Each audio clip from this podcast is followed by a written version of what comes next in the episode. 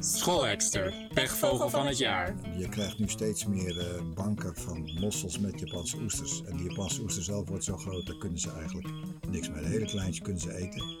En die kiever die, die, die kaapte gewoon het nest. Ja, dat is toch heel bijzonder. En dat is niet één keer gebeurd, dat is, al, dat is een aantal keren al gebeurd.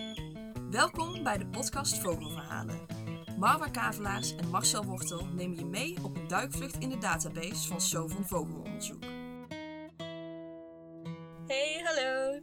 Ben ik. Sorry, eh, ik ben wat later Ja, vandaag. ik dacht al, waar blijft ze?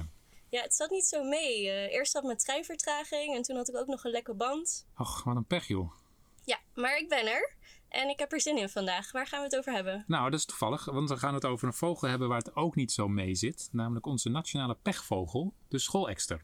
Oh, is dat zo'n pechvogel? Ja, eh, en dat is niet omdat die schoolekster nou de hele tijd tegen een ruit vliegt of zo. Maar het- vooral de aantallen, die gaan de ja- laatste jaren ontzettend achteruit.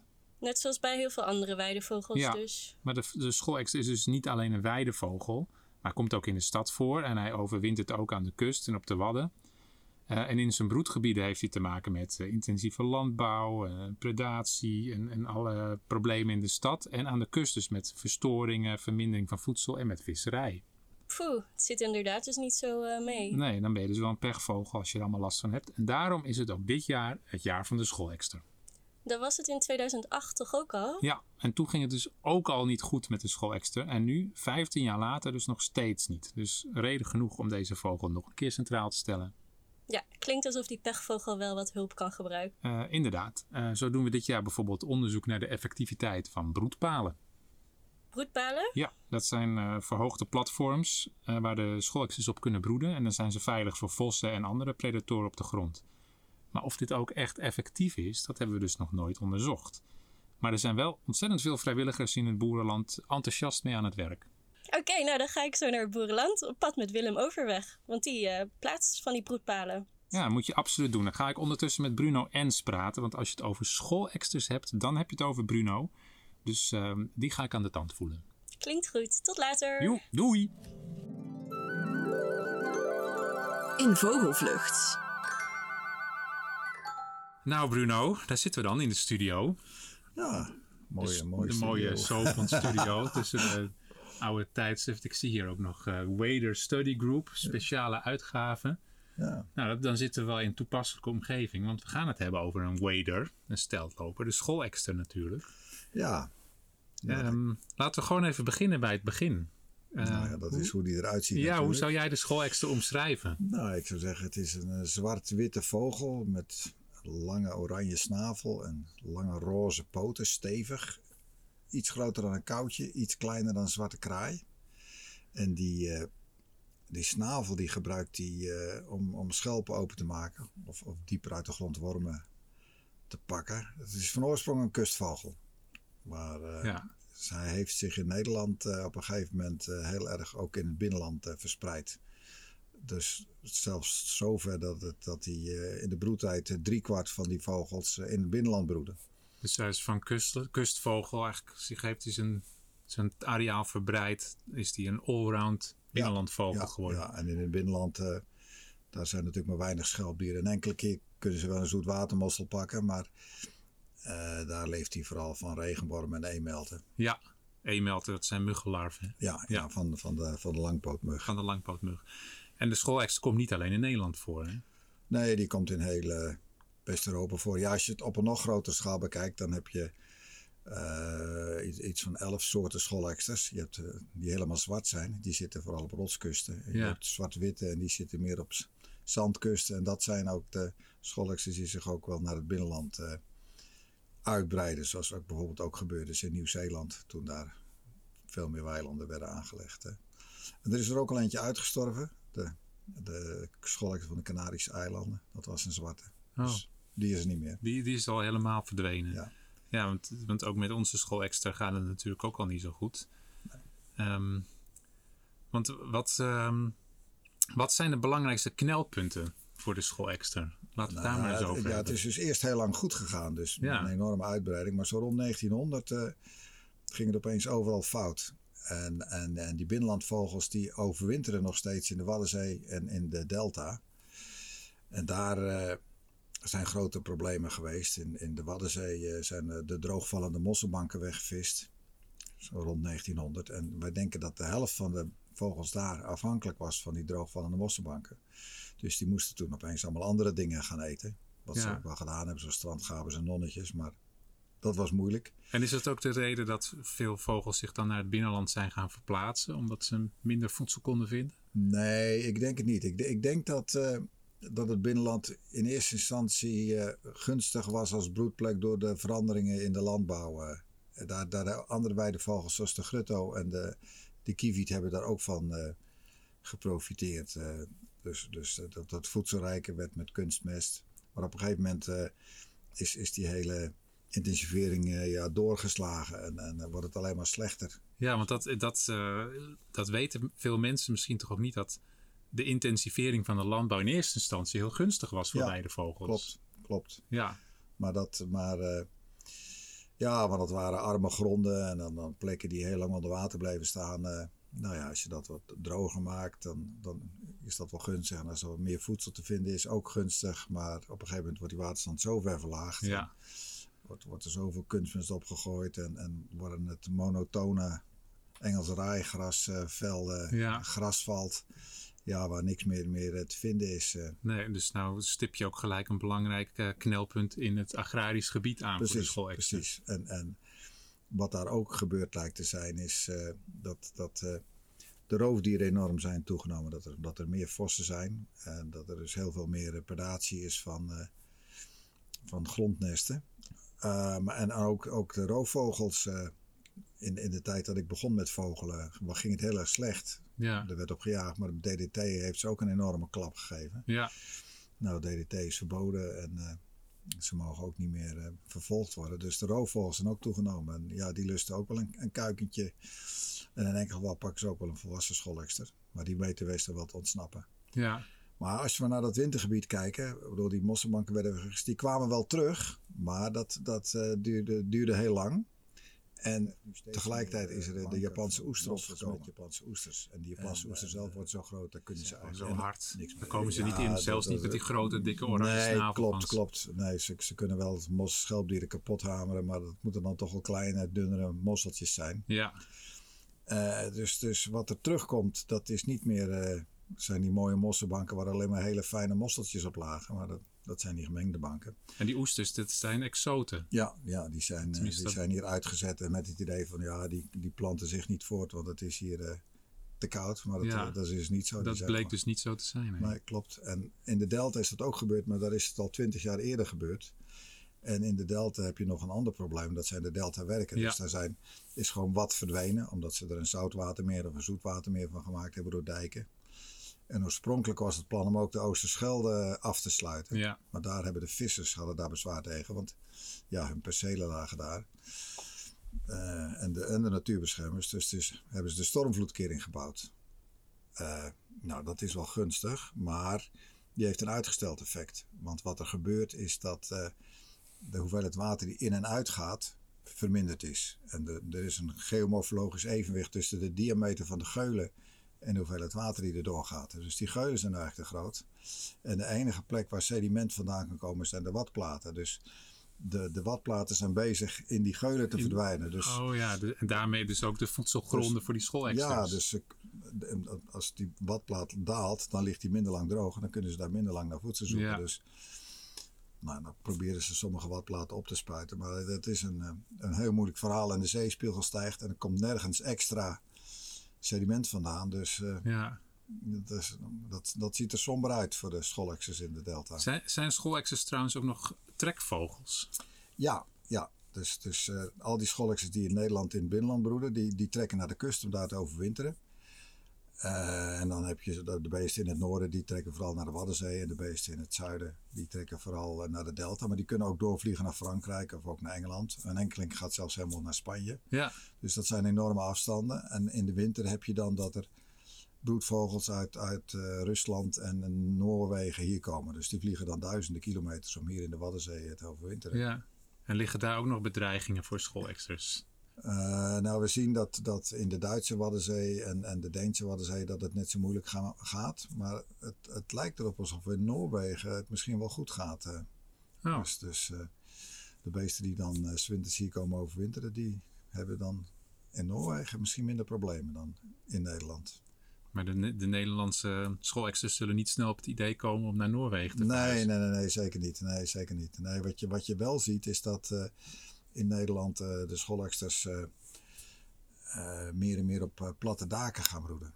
Want, want die schoolexter is, is bijzonder dat hij zijn jongen voert. Dus het is een weidevogel. Dus de, maar de, bij de andere weidevogels is het zo dat als de jongen uitkomen, dan moeten ze zelf naar insecten zoeken. Ja. Maar die scholekster doet dat niet. Die wacht tot zijn ouders hem voedsel brengen. Zelfs tot ver naar het uitvliegen. Dus dan kunnen ze al vliegen. Ja. Worden ze nog steeds gevoerd door die oude vogels. En als, als kustvogel kun je dat ook wel snappen. Als het voedsel wat je daar hebt, die, die schelpdieren zijn, ja, die kan je zelf nog niet openmaken. Met zo'n klein, klein snaveltje wat je dan nog hebt. Nee, die nee. zacht is. Dus daar, daar moeten echt die zware oranje snavels voor gebruikt worden. Ja. Nou, dus kunnen ze broeden op plekken waar die andere weidevogels dat niet kunnen, op platte daken met grind. Want zo'n schoolekster heeft ook eigenlijk helemaal niks nodig. Moet gewoon alleen maar een kuiltje in de grond draaien. En dan moeten er grasveldjes in de buurt zijn waar die ja, voedsel want, kan halen. Want je zegt dan wel uh, platte daken met grind, maar dan hebben we het eigenlijk niet meer over de kust en niet meer Nee. over het boerenland. Nee, maar dan, Precies. dan zitten we echt al in de, in de stad. Ja, het is een echte stadvogel, zeker. Ja, Dus eh, ja, ze vinden die sportvelden dan ook heerlijk. Ja, dan moet het geen kunstgras zijn, maar als het echt, met echt gras eh, waar gesproeid wordt eh, ja.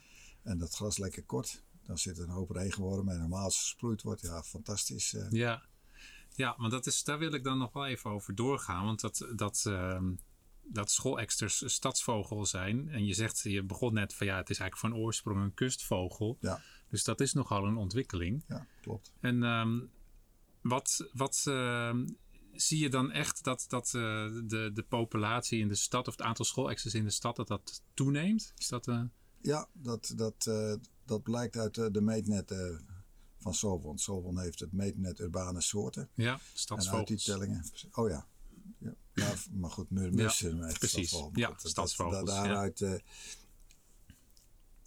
eh, daar, daar blijkt eh, dat, dat in Hoog-Nederland zeker, dat de aantallen gewoon steeds toenemen. Ja, In, in Laag-Nederland, dus het deel van Nederland wat onder water zou lopen als je de dijken doorbreekt, daar is dat niet zo. Maar ze nemen niet zo snel af als, als de schoolleggers in het landelijk gebied. Daar gaat het echt heel hard. En, eh, maar die, die stadsvogels hebben het ook in het westen van het land toch eh, moeilijk blijkbaar. Maar in het oosten, daar zie je echt dat overal eh, meer en meer schoolexers in, de- in de Ja. steden en de randbroeden. en wat doen die schoolexers dan in Oost-Nederland goed, wat de andere schoolexers dat- niet goed doen? Nou ja, dat zouden we graag willen weten. Dus dit jaar wordt er heel goed naar gekeken van wat het succes is en waar dat van afhangt. Ja, want er is ook een initiatief, hè? Schoolexter op het dak. ja, Wat Ja. eh, onder andere, wat dat, jij bent ook voorzitter van de Stichting Onderzoek Schoolexter. Daar is dat Ja. een, eh, een onderdeel van. Waarom is dat initiatief er? Nou, om, om, om eh, juist om te kijken van wat, wat gebeurt er nou in die stad? Wat, wat zijn de goede plekken? Wat heeft zo'n schoolexter nodig? En, en waar zijn bedreigingen? Waar kunnen we helpen? Kijk, één simpele kwamen we al vrij snel achter. Als er gevaar is, dan, dan drukken schoolexterkuikens zich. En die zoeken vaak een donker plekje. Ja, Eh, nou, de, de regenpijp is een heel mooi donker plekje. Ja, maar als je dan daarin kruipt, dan is het, eh, dan lig je op is de het afgelopen. Dus Ja. je, moet, je moet in ieder geval zorgen dat je daar een gaasje voor zet. eh. Ja, En een andere dingen wat we merken is dat ja, het, het wordt soms heel erg warm op die daken. Ja. En, en dan, ja, dan springen ze eraf omdat het gewoon te warm is. Dus En dan moet je niet op acht hoog zitten. nee, nou ja, dat kan eventueel nog als je dan in de struiken belandt. Maar als, als je dan op de stenen valt, is het afgelopen. Ja. Dus dat, dat merk je dat er, dat er dan schoolexers eh, overlijden. Dus we, nou ja, we wilden beter weten wat er aan de hand is. En, en kijken wat we daaraan kunnen doen en advies overgeven. En, en mensen kunnen ook eh, op de website schoolexter, schoolexter op het dak kunnen zij ook eh, dakbroedende schoolexters doorgeven. Precies, precies. En nou ja, dat, dat, dat werkt heel goed. Maar wat we wel merken is mensen het dan één keer doorgeven. Ja, we willen juist weten wat er gebeurt. Dus Ja. ook als het dan mislukt, willen we dat wel weten om te zien van wat is er aan de hand. Dus één melding is leuk, maar we willen eigenlijk van het hele proces weten van, eh, nou hebben ze eieren gelegd en zijn die uitgekomen en zijn de, dan ook jong of vlug geworden of niet. Ja. eh. Dus als je eenmaal zo'n schoolexter hebt gemeld, moet je gewoon blijven kijken hoe het met ze gaat. Ja, nou, Ja. soms is het heel makkelijk. Bedoel, je hebt mensen die gewoon uit hun ramen zo'n schoolextra kunnen zien. Dus Ja, Dat is dan heel fijn, die kunnen dat heel precies volgen. En daar zijn we dan heel blij mee als ze dat rapporteren. ja. nou ja, dat is eh, Dat, dat, is, dat is zeker als je gewoon een uitzicht hebt op de schoolextra, is het ook niet al te moeilijk natuurlijk. Nee, Om nee. het in de gaten te houden. Ehm, wat, eh, nou ja, we hebben het nu over schoolextras op het dak. Hè. Je, je noemt al eh, beschermingsmaatregelen, gages voor regenpijpen. Zo. Zou je ook dat soort dingen kunnen bedenken voor in het, in het boerenland? Nou, één ding waar eh, mee geëxperimenteerd wordt, dat is op een platformpje laten broeden. Dus, dus dan zet je een paal met erop een platform waar dan wat, wat schelpengruis of grind in zit. En, en dat vinden ze prachtig. Dan eh, gaan ze meteen eh inbroeden. En dan Ja. kijk, hebben ze een heel goed uitzicht. En, ook een soort klein dakje ja, eigenlijk. precies. precies. En, en, eh, want daar houden scholks van. Goed uitzicht. Ze houden bijvoorbeeld ook van op maisakkers broeden. Want in het begin zijn die heel kaal. Maar Ja, ja, als dat eenmaal weer hoog is, dan is dat eigenlijk vervelend. Dat vinden ze niet leuk. Maar ja, dat broeden ze graag. En dat geeft wel een goede bescherming tegen grondpredatoren. Zoals die vossen en, en, en, en andere beesten die over de grond lopen. En egeltjes, ja, die, die komen niet eh, daarbij. ja, Maar de vraag is van... eh, hoe zit het dan als die kuikens eenmaal van dat platform af zijn? Die, die, soms staan ze in het water. Dat is helemaal geen probleem. Want scholexers kunnen, ook die kuikens kunnen heel goed zwemmen. Die kunnen zelfs duiken. ja, Dus eraf springen en dan naar de kant zwemmen, dat is geen punt. Maar dan moeten ze daarna niet opgevreten worden natuurlijk. nee, En ja, we denken dat je dan in ieder geval eigenlijk een strook land moet hebben waar het gras wat hoger is, waar ze zich in bij gevaren kunnen verschuilen. ja, Dus, maar goed, hoeveel dat helpt, dat zou één ding zijn. Ja, en ik denk dat sommige, dat sommige gebieden ook geschikter zijn met wat meer aandacht voor de scholexen. Zoals de, de polders van de Waddeneilanden. ja, Daar zitten ze ook dicht bij het wat, wat ze dan ook in de broedtijd nog kunnen gebruiken. Ja. En ook nog voedsel voor de jongen kunnen halen. En in die polders hebben ze dan niet, geen last van het overstromingsrisico. Want dat is een probleem voor de die op de kwelder broeden. ja, Die kwelders eh, overstromen steeds vaker door klimaatverandering. Waaronder steeds vaker stormen tijdens het broedseizoen. Ja, en dan hebben ze een nestje mooi op die kwelder. En dan staat er een meter water boven. Ja, dan eh, is het afgelopen. ja, allemachtig. Dus als, we het even, als je het even samenvat wat je allemaal hebt gezegd. Dus ze hebben dus last van overstroming op de kwelders. De, die Japanse oesters, het verdwijnen van de mosselbanken. Ja, Ehm, de, de, de, de Westerschelf, de stormvloedkering en de deltawerken. ja, Eh, problemen in het boerenland, intensivering van de landbouw. Ehm, nou ja, in de stad dat ze dan ook nog eh te pletten kunnen vallen of in de regenpijp kunnen, Ja. kunnen verdwijnen. Het is, dat is toch een behoorlijk eh, hopeloze eh, situatie voor de schoolextra als je Nou het allemaal zo op een rijtje Hij zet. heeft het op een heleboel plekken heel moeilijk. Maar er zijn wel plekken waar het wel goed gaat. hè. Dus eh, in de polder van Ameland, de buurt de Grie, daar eh, heb je mensen. Er is een boer die erg met die vogels begaan is. En wat mensen die hem dan goed beschermen door. Eh, nou, hij, hij maait eh, pas als dat kan. Hij laat de ganzen het ook behoorlijk kaal vreten. Maakt hem ook niet uit. En, en de, de vrijwilligers die zetten dan nestbeschermers over die nesten. Ja, En, en, en die, eh, die vogels kunnen ook naar het wat als het moeilijk is. Dus daar worden elk jaar heel veel jongen groot. Bijna elk jaar. Dat was al, het is de enige keer als, toen het heel erg droog was. Dat is echt wel een probleem ook Ja. dan voor dat binnenland. Die hele grote droogtes. Ja, dan dat geldt de wormen naar, naar beneden. En Ja. dan, eh, dat geldt natuurlijk voor heel veel eh, soorten. ja, Ja. Ja. Dus, dus, eigenlijk, dus ja, eigenlijk hint je er al een beetje naar dat met dat soort beschermingsmaatregelen en de in- juiste inrichting van het landschap, ja. gage voor de regenpijp, bloed, eh, broedplatform in het weiland, zijn dat de maatregelen waarmee we de schoolexter van zeg maar de, de, de, de achteruitgang kunnen weerhouden? Nou, dat, dat, dat, dat hoop ik wel. Eh, maar goed, ik hoop dat dit jaar van de schoolextra ons, ons nog, nog meer informatie oplevert. Want het doel is eh, om juist ook te kijken naar het opgroeien van de kuikens. eh, en in allerlei verschillende gebieden. En daar kunnen we dan misschien ook nog, een, nog wat meer van leren. Ja, Maar ik denk inderdaad, het, het, het, het landschap, nou, dat moet anders. want anders dan gaat het niet goed. eh. anders is het verloren zaak. ja.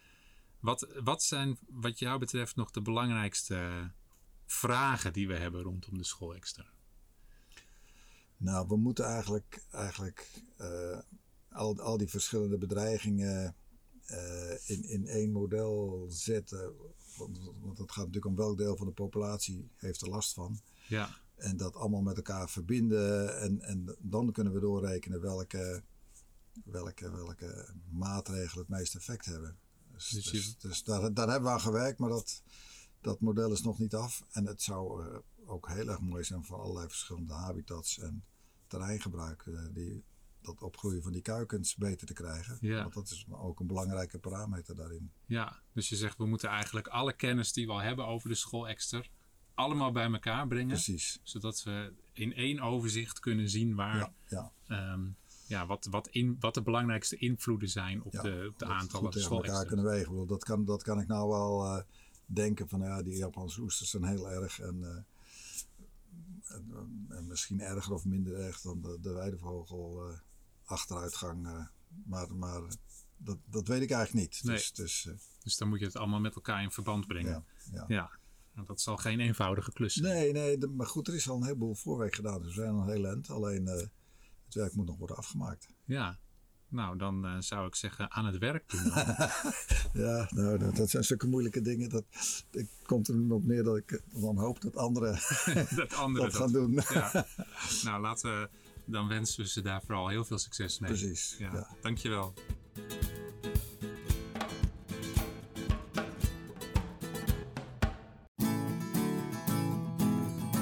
Bevlogen vriend.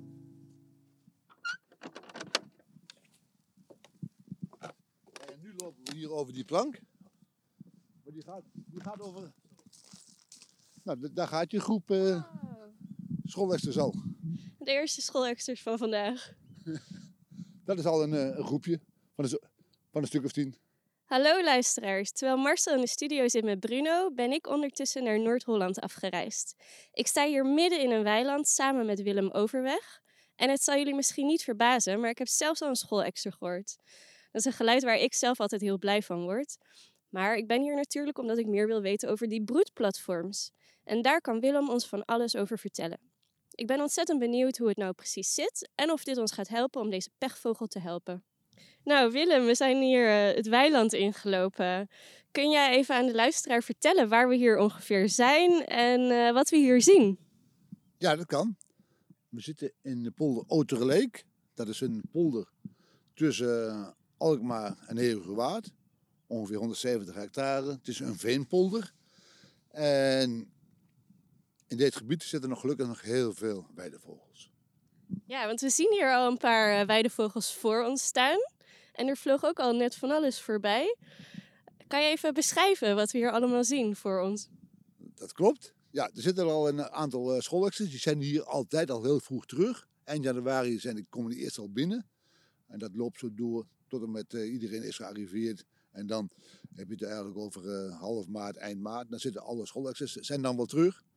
En dan heb je het over uh, in dit, dit gedeelte van de polder ongeveer 20 broedparen. 20 broedparen, dat is niet niks. Daar zijn we wel blij mee. Dat is heel erg veel. Ja, dus het is hier uh, goed vertoeven voor de schoolexter. En wat, wat maakt het in dit gebied nou zo aantrekkelijk? Nou ja, zoals je ziet hebben we de, eigenlijk deze, dit gedeelte van de polder helemaal ingericht voor de weidevogels. Met zoveel mogelijk mozaïekbeheer. Dus dat betekent kruidenrijk grasland, voorweiden, exclusieve beweiding, laadmaaien, plasderas, greppelplasderas, visdieve eilanden, schoolwesterplateaus. Ja, alles wat er, wat er maar te bedenken valt, gebeurt hier. Ja, het is inderdaad heel erg divers hier. En uh, nou, dat is te zien aan de, aan de schoolexters die hier voor ons staan.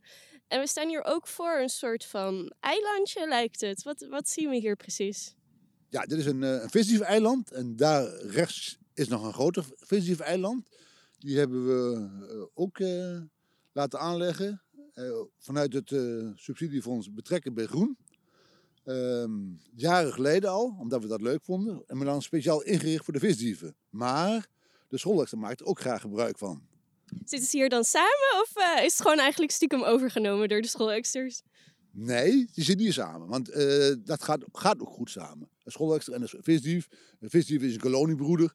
En de schoolexter die kruipt ertussen. En die mag ook graag op zo'n kaal eiland broeden. En waarom zijn eigenlijk die eilandjes en die... Uh... Nou, ik zie hier ook een soort van broedplatforms. Waarom zijn die eigenlijk nodig? Om het uh, broedsucces uh, te, uh, te vergroten. We hebben hier nog wel eens last van predatie. Voor ja, iets meer dan andere jaren. En dan door middel van die broedplateaus hopen we dat we de grondpredatie tegen kunnen gaan. En dan hebben we het over grondpredatie door vossen bijvoorbeeld? Vossen, hermelijnen en voorjaar heel erg veel ratten. Oh, ratten ook. En op die, op die platform zitten ze daar dan veilig voor? Dat hopen we. Dat dat, eh, dat, dat eh, mee gaat helpen om het broedsucces te vergroten. Kijk, je ziet ook een camera staan. Ik ben, daar staat ook een camera om te kijken van welke soort predatoren zijn er al en, en komen hier. Dus dat, eh, ja, we willen dat proberen zoveel mogelijk tegen te gaan. En daar, op die weilanden daar waar je tegen aankijkt en rechts van je, die hebben we ingericht met een vossenraster zelfs. Er zit een heel vossenraster omheen, om, om die beide percelen. Oké, dus jullie doen echt goed je best om, uh, om de schooleksters en de andere weidevogels hier te beschermen. Ja, daar zijn we eigenlijk uh, constant mee bezig. En zien jullie daar ook al dan uh, resultaat van de afgelopen jaren? Ja, want als je hier nu bent op dit stukje, en dan heb ik het over 20 hectare ongeveer, dan kom je uit op circa 100 broedparen. Van gutto's, kievieten, scholleksters, slopbeenden, tureluurs. Het is hier ook echt een tureluurparadijs. dus dat is, uh, dus, ja, en over twee weken, dan ziet de wereld hier heel anders uit. Maar dan zijn de, zijn de gutto's binnen, dan zijn de kievieten binnen en dan zijn de tureluurs binnen. Ja, en dan wordt het helemaal hier een, uh, een prachtig spektakel. Oké, okay, nou, ik kom graag nog eens langs. uh,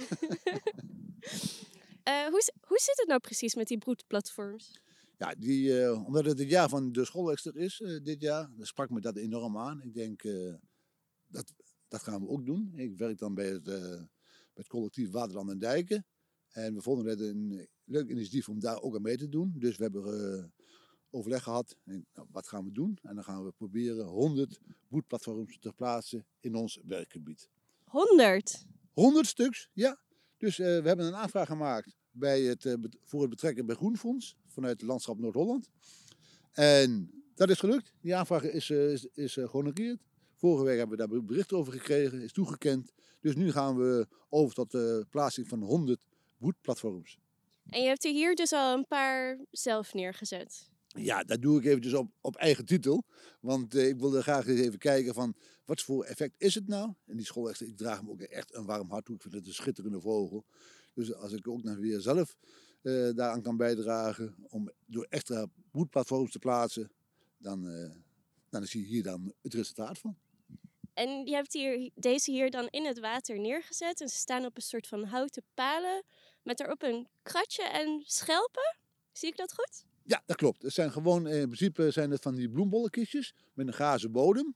Nou, daar heb ik dan uh, hout uh, onder gemaakt en dan uh, op palen bevestigd. En dan, zie je, uh, en dan moeten ze hier in principe op gaan, uh, op gaan broeden. En uh, er zijn al, al meer van dit soort projecten geweest, maar dan wat kleinschaliger. En daar zijn ze al succesvol. Ehm, maar ook hier voor de visdief, want misschien gaat die er ook, ook wel op zitten. Dus het is niet alleen voordelig voor de schoolexter, maar eventueel ook voor andere vogels? Ja, die visdief die, die kan er ook gebruik van gemaakt. Dus ik ben ook wel, wel benieuwd wat dan de resultaten zijn en hoeveel broedsucces het gaat worden. Want uh, ja, ze zitten nu allemaal op het land. Of een keertje hier op het Visdief-eiland, die schoolexers. Maar ik wil ook graag zien of dit een, een aanjagend effect heeft daarvoor.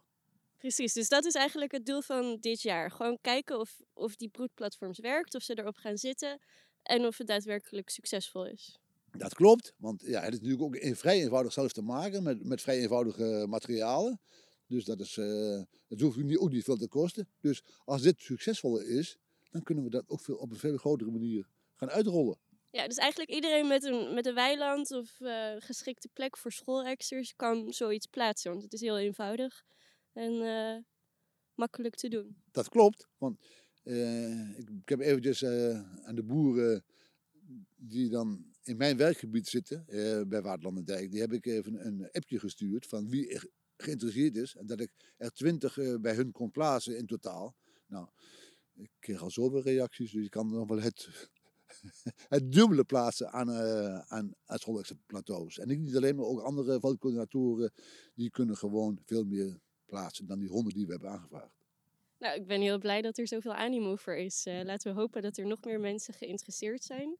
En uh, nou, dat, dat we dit jaar kunnen onderzoeken of dit werkt. Want als dat zo zou zijn, dan zou dat echt fantastisch zijn. Dan kunnen we misschien deze pechvogel eindelijk helpen. Ja, dat klopt. En, ik, uh, en daarom ga ik die ook, ook nog even wat op grootschalige manier uitproberen. Want ik zet ze namelijk, zoals je ziet, in het water. Maar ik zet ze ook in de Grepperplasdras zit, zoals je die voor je ziet. In elke Grepperplasdras ga ik ook nog zo'n plateau plaatsen. Ik zet ze op het land en ik zet ze gewoon op het eiland zelf. Want, eh, om te kijken van, wat is het beste? En waar hebben ze een voorkeur voor? Of, of misschien niet. Nou, dat kan ik hier, hier mooi uitproberen. Hij, hij is er helemaal mee eens, hoor je het? Ja, en waar komt jouw fascinatie voor die schoolekster vandaan? Nou, niet, alleen voor de schoolextra, maar ik heb het voor alle weidevogels. Daar heb je al vanaf jongs af aan. Vanaf eh, toen ik heel, heel klein was, was ik daar al mee bezig. En ja, dat is toch iets geweldigs, die weidevogels. En ja, we moeten, we moeten daar wat aan doen, want we gaan proberen, de stand gaat toch weer terug. En eh, helaas, en we proberen dat op deze manier, hier in deze polder ook wel te stabiliseren. Te stabiliseren, in ieder geval dan, of we weer omhoog te krikken. Met allerlei maatregelen. We staan wel helemaal in beeld, hè, nu. Hè? Ja, we staan hier recht eh, in beeld van eh, een van de, van de camera's. ja, hoe is het gegaan met de vogelpopulaties hier de afgelopen decennia? Ja, dat is al, eh, die is alleen maar aan het, aan het stijgen. We zitten hier nou, wat ik al eerder zei, al, al op ru- ruim 100 broedparen van, van allerlei soorten. Ja, en die, dat stijgt nog steeds. De, op dit weiland waar we hier, hier nu staan, dat is eigenlijk ongelooflijk en, en ongekend. Want hier zitten al zo tussen, jaarlijks tussen de 60 en de 80 broedparen aan weidevogels. Die liggen hier echt bijna opgestapeld. En is dat uitzonderlijk voor deze regio? Of is dit gewoon, zijn jullie er gewoon echt ontzettend goed bezig? We zijn er ook ontzettend goed mee bezig. Je ziet het ook, hè. de hele weiland is, ook in- is er hier ook voor ingericht met, met, zonne, met zonnepanelen die dan de, de greppers onder, onder water zetten. Met eh, wildrassen. We hebben hier wildcamera staan. Eh, die ligt hier al ruige mest op. Alle, alle werkzaamheden op dit weiland zijn, zijn al eh, geweest. Ook op de omliggende weiden al. Dus het- dan is het al rust voor de vogels. En er gebeurt hier niks meer totdat de laatste vogel klaar is. Op dit weiland waar we nu voor staan, daar gaat pas oh, gemaaid worden. Op het moment dat de laatste vogel weg is. Nou, dat kan dus best eind juni zijn. Misschien nog wel eens, wel eens begin, begin juli. En hoe gaat het dan in de toekomst? Eh, als dit nu succesvol blijkt te zijn, blijven jullie hier dan mee doorgaan? Ja, daar blijven we er zeker mee doorgaan. En dan willen we het proberen verder uit te breiden. Want dit, op zich is dat natuurlijk een vrij makkelijk uit te voeren project. Dus iedereen die, kan daar op laagdrempelige manier aan meedoen. De kosten zijn niet hoog. En iedereen vindt het natuurlijk ook wel leuk om op zijn eigen land zo'n vogel te monitoren. Wat daarvan eh, terechtkomt. Ja? Want je kunt, je kunt de jongen goed volgen. Dus als, als die uitkomen. Ja, en dan wordt het toch een beetje jouw vogel. Ik zou het wel willen hoor. Als ik, eh, als ik een stuk land had, zou ik het zeker doen. Ik ook. Maar goed. En als je hier zoveel tijd in het veld doorbrengt, dan zie je vast ook wel soms wat rare gebeurtenissen met die schoolexters, of niet? Dat klopt. Ik heb het een aantal keer al meegemaakt dat een schoolexter een combinest maakt. Samen met een andere weidevogel. Dus hij legt zijn eieren legt hij in, bijvoorbeeld bij een kievit in zijn nest. Hij legt een, een- ik heb wel eens eieren gewonnen van een tureluur erbij. Maar ook wel eens van een gutto. Maar, maar ze doen ook aan nestkapingen. Dus dan nemen ze het nest over van een kievit. Dan hebben ze zelf geen eieren, maar dan pakken, pikken ze zo het nest in van een kievit. En de kievit die staat er dan bij en die kijkt ernaar. Maar de schoolexter die zit te broeden. Maar je wil op zich natuurlijk wel een kieviet in de buurt hebben. Die eh, kunnen wel goed andere vogels of dieren wegjagen, toch? Dat klopt, maar die schoolexter die sterker dan die kievit. En die kievit die, die, die kaapt er gewoon het nest. Ja, dat is toch heel bijzonder. En dat is niet één keer gebeurd, dat is, al, dat is een aantal keren al gebeurd.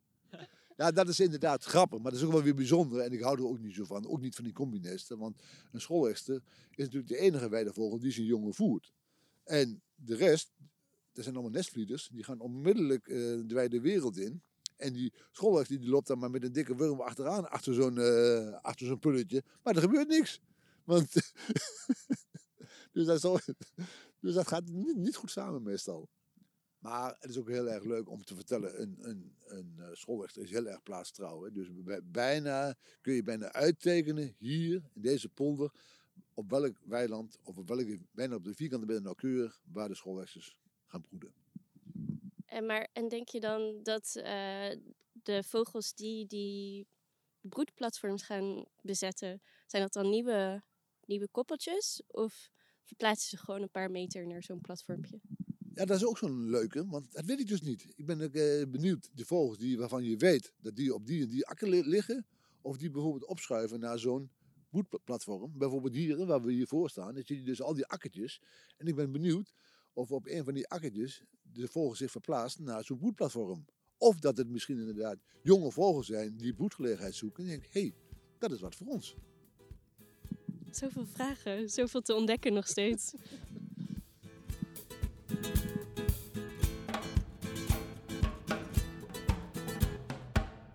Zo, jij hebt echt helemaal appelwangetjes van de frisse buitenlucht. Ja, zeker. Het was echt heel leuk om te zien uh, hoe mensen enthousiast bezig zijn met het onderzoek en het helpen van schoolexters en andere weidevogels.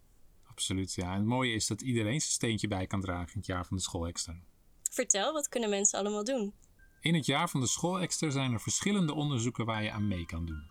Het eerste is het onderzoek aan de broedpalen. Dat heb jij natuurlijk net allemaal verteld. Als je zelf weidegrond hebt of je kent mensen die weidegrond hebben waar schoolexters broeden, dan hebben we een uitgebreide instructie voor het bouwen en monitoren van deze broedpalen. En het mooie is, is dat je de kosten voor het bouwen ervan ook nog vergoed kunt krijgen. Verder weten we dat een groeiend deel van de schoolexers in de stad gaat broeden. Maar hoeveel dat er precies zijn, dat weten we niet. En daarom kan iedereen in het broedseizoen meedoen met het tellen van broedende schoolexers in de stad. Daarvoor hebben we ook een uitgebreid telprotocol op onze website staan. En tot slot kunnen vrijwilligers die nesten onderzoeken helpen door de overleving van kuikens in de gaten te houden. Want we weten al wel heel veel over nestsucces, maar niet over hoe de kuikens het doen als ze eenmaal uit het ei gekropen zijn. En ook hiervoor hebben we uitgebreide invoermogelijkheden toegevoegd aan de apps om nestsucces te meten. Zo, dat is heel wat. Precies, en op de website jaarvandeschoolextra.nl kun je het allemaal nog eens rustig nalezen. Top, op pad voor de schoolextra dus. Ja, alleen moet jij wel eerst even nog je band plakken, anders kom je niet ver. Ja, ga gelijk aan de slag. Ja, en terwijl jij je bandenlichters gaat zoeken, bedank ik Bruno Ens en Willem Overweg voor hun bijdrage en natuurlijk Maurice Frère voor de techniek. En luisteraars natuurlijk bedankt voor het luisteren naar Vogelverhalen. Bedankt, doei! Doei! Nog niet uitgevogeld? Voor meer informatie over de onderzoeken van Sovon Vogelonderzoek Nederland bezoek je de website www.sovon.nl. Daar vind je ook hoe je vrijwilliger kan.